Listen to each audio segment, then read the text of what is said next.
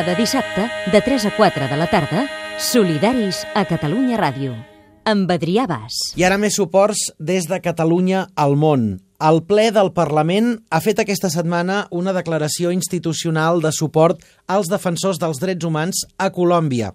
Davant, diuen, de l'alarmant augment en l'últim any dels assassinats precisament d'activistes dels drets humans per part de grups armats. El Parlament de Catalunya ha demanat a les autoritats colombianes que els protegeixin de manera efectiva. Aquesta declaració l'han signada tots els grups parlamentaris i entre els convidats alguns actors clau del procés de pau. La Marta els van a conèixer. La xarxa Molina.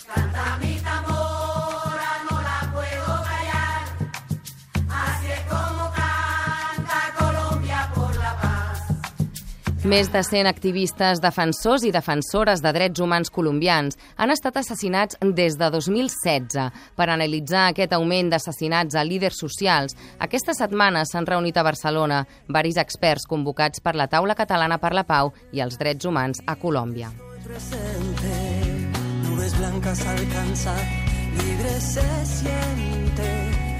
Entre els assistents hem pogut parlar amb Franklin Castanyeda, advocat i defensor dels drets humans colombià, portaveu nacional del moviment de víctimes de crims d'estat Movice, i Helena Abrosi, actual procuradora delegada pel recolzament a les víctimes del conflicte armat i els desmobilitzats. Ya pasamos 100 años de soledad. Tots dos van ser presents en les negociacions de pau a l'Havana i amb ells hem analitzat les causes i les conseqüències i les possibles solucions de l'increment de la violència. Franklin Castanyeda ens comenta que després de les converses de l'Havana, el gran repte és implementar-les i de moment el procés va molt lent.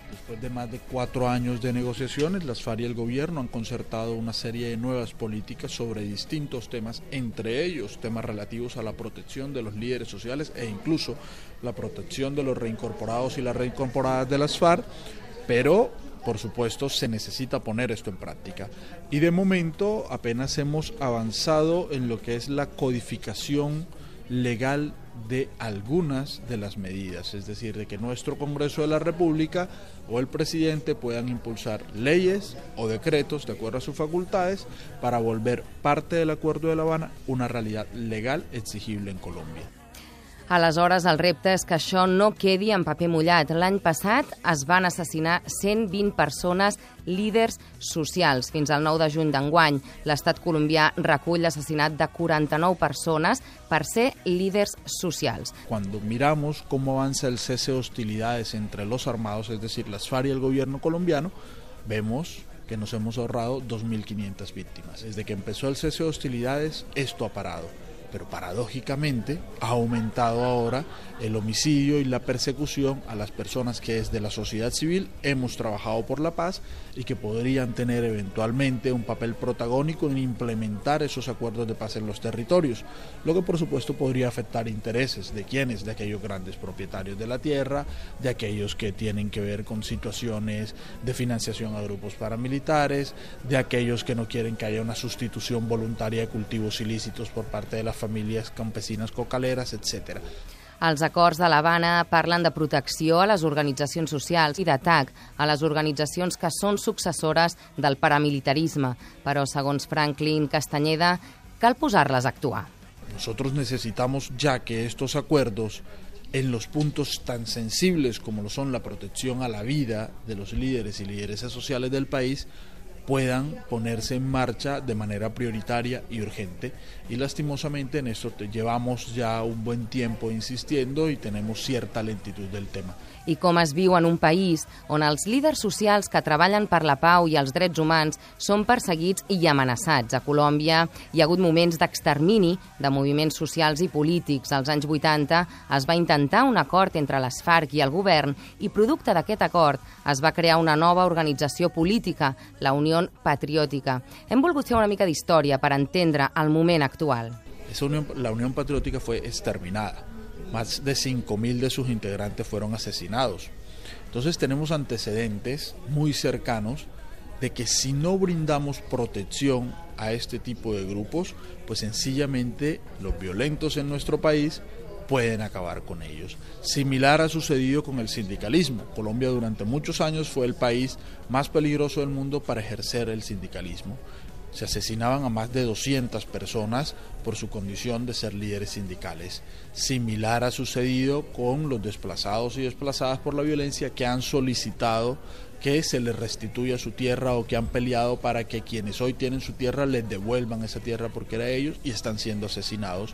Y ahora tenemos que la gente que puede hacer que en los territorios de Colombia, principalmente en los 160 territorios que están en la ruralidad, donde anteriormente estaba las FARC, donde anteriormente se libraba el conflicto y ahora ya no está las FARC, pero el Estado no ha querido o no ha podido retomar el control de las zonas, pues sencillamente esa gente que está ahí, que quiere que haya un cambio político en esos territorios, que quiere que se implementen las medidas del acuerdo, pues se encuentra totalmente desprotegida al punto que muchos de ellos están siendo asesinados. 120 líderes sociales el año pasado, 48 hasta el 9 de junio de este año ya es suficiente para prender las alertas y decir no podemos repetir la historia de la UP, del movimiento sindical o de otros movimientos políticos que han sido exterminados en Colombia. Necesitamos tomar medidas urgentes, medidas que además están diseñadas en el Acuerdo de La Habana. Ramas laurel dos palomas oscuras,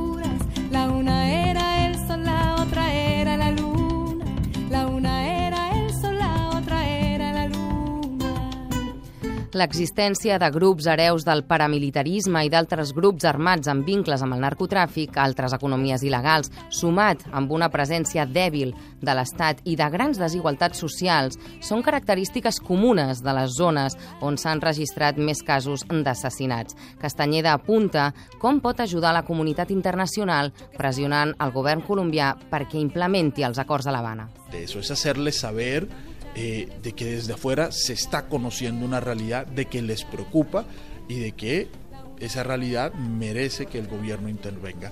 En ese sentido, declaraciones como la que votó ayer en, en pleno el Parlamento catalán y que de consenso eh, definió una moción en la cual llamaban al gobierno colombiano a brindar eh, protección a los líderes y lideresas sociales son bienvenidas y ojalá nos puedan ayudar para que en Colombia este tipo de situaciones dejen de suceder. El passat 14 de juny es va presentar la nova directiva per la protecció dels drets dels defensors dels drets humans de la Procuradoria General de la Nació a Colòmbia. Hem parlat precisament amb Elena Ambrosi. Ella és experta en drets humans, ha treballat com a directora temàtica de l'oficina de l'Alto Comisionado para la Paz, on es va desenvolupar com a negociadora alterna en el procés entre el govern i les FARC. Amb Elena Ambrosi hem reflexionat sobre el descontentament de les víctimes, tot i l'existència d'una llei de víctimes a Colòmbia, la 1448, que els acords de l'Havana reiteren. Bueno, no, yo creo que estamos en un momento importante en el que una serie de medidas que se contemplan en el acuerdo para garantizar los derechos de las víctimas se están poniendo en marcha. Medidas que, como explicaba ahora, tienen algunas carácter extrajudicial, como la Comisión de la Verdad y la Unidad de Búsqueda, y otras más judiciales, como el Tribunal. Naturalmente, estas medidas todavía no empiezan a dar su fruto. Lo que tenemos en Colombia por ahora es una muy ambiciosa política de reparación administrativa que, por diferentes razones, entre otras, por el amplísimo número de víctimas. Nosotros tenemos más de 8 millones de víctimas registradas en el registro único de víctimas que por estar registradas tienen derecho a reparación administrativa, pues tienen una cantidad de necesidades, digamos, insatisfechas, tanto en lo más básico como la atención. El mayor, la mayor parte de estas víctimas son desplazados que tienen derecho como a una atención humanitaria, digamos, de emergencia y después a una reparación eh, o indemnización, digamos, vía administrativa, que por limitaciones en los recursos, limitaciones presupuestales, insisto, también por la dimensión del problema que tenemos en Colombia, no han visto satisfechos sus derechos y naturalmente eso genera muchísima inconformidad. Elena Ambrosi ens explica com s'organitzen les víctimes a Colòmbia. Nosotros tenemos un muy fuerte movimiento organizativo social y tenemos fuertes organizaciones de víctimas, principalmente de crímenes de Estado, como Franklin, el representante del MOVICE, que es una organización de víctimas de crímenes de Estado. Hay organizaciones muy fuertes de crímenes eh, cometidos también por los paramilitares y hay un poco con más debilidad organizaciones eh, de víctimas de crímenes cometidos por la guerrilla. Tenemos estructuras de participación derivadas de la misma ley, sobre todo de organizaciones, y naturalmente quedan muchas víctimas no organizadas que muchas veces sienten que su voz no está siendo escuchada. Nubes que reflejan el dolor que ha inundado mi raíz. Las veo y se dispersan como espuma en el oleaje eterno. Helena Ambrosi apunta que la participació de les víctimes és clau en la construcció de la pau i per refer el teixit social. Bueno, yo creo que el pueblo colombiano, sobre todo en el nivel más rural, que ha sido el más, eh, digamos, el más afectado por la persistencia del conflicto, tiene una apuesta decidida por la paz.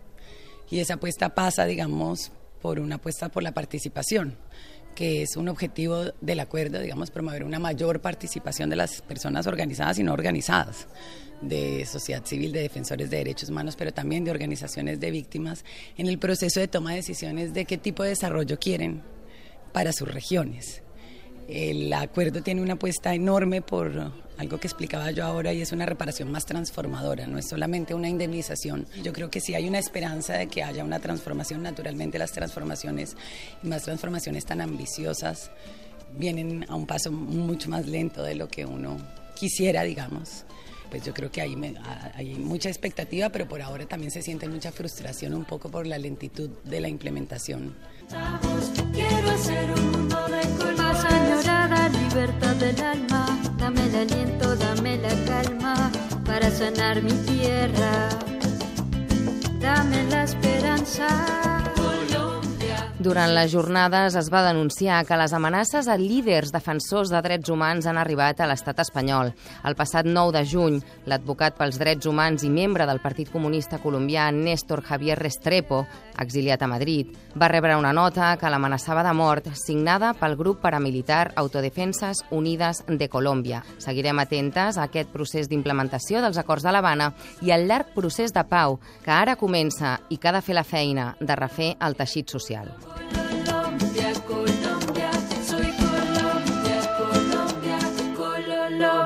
Colombia. A Facebook, a Twitter i a catradio.cat, Solidaris, amb Adrià Bas.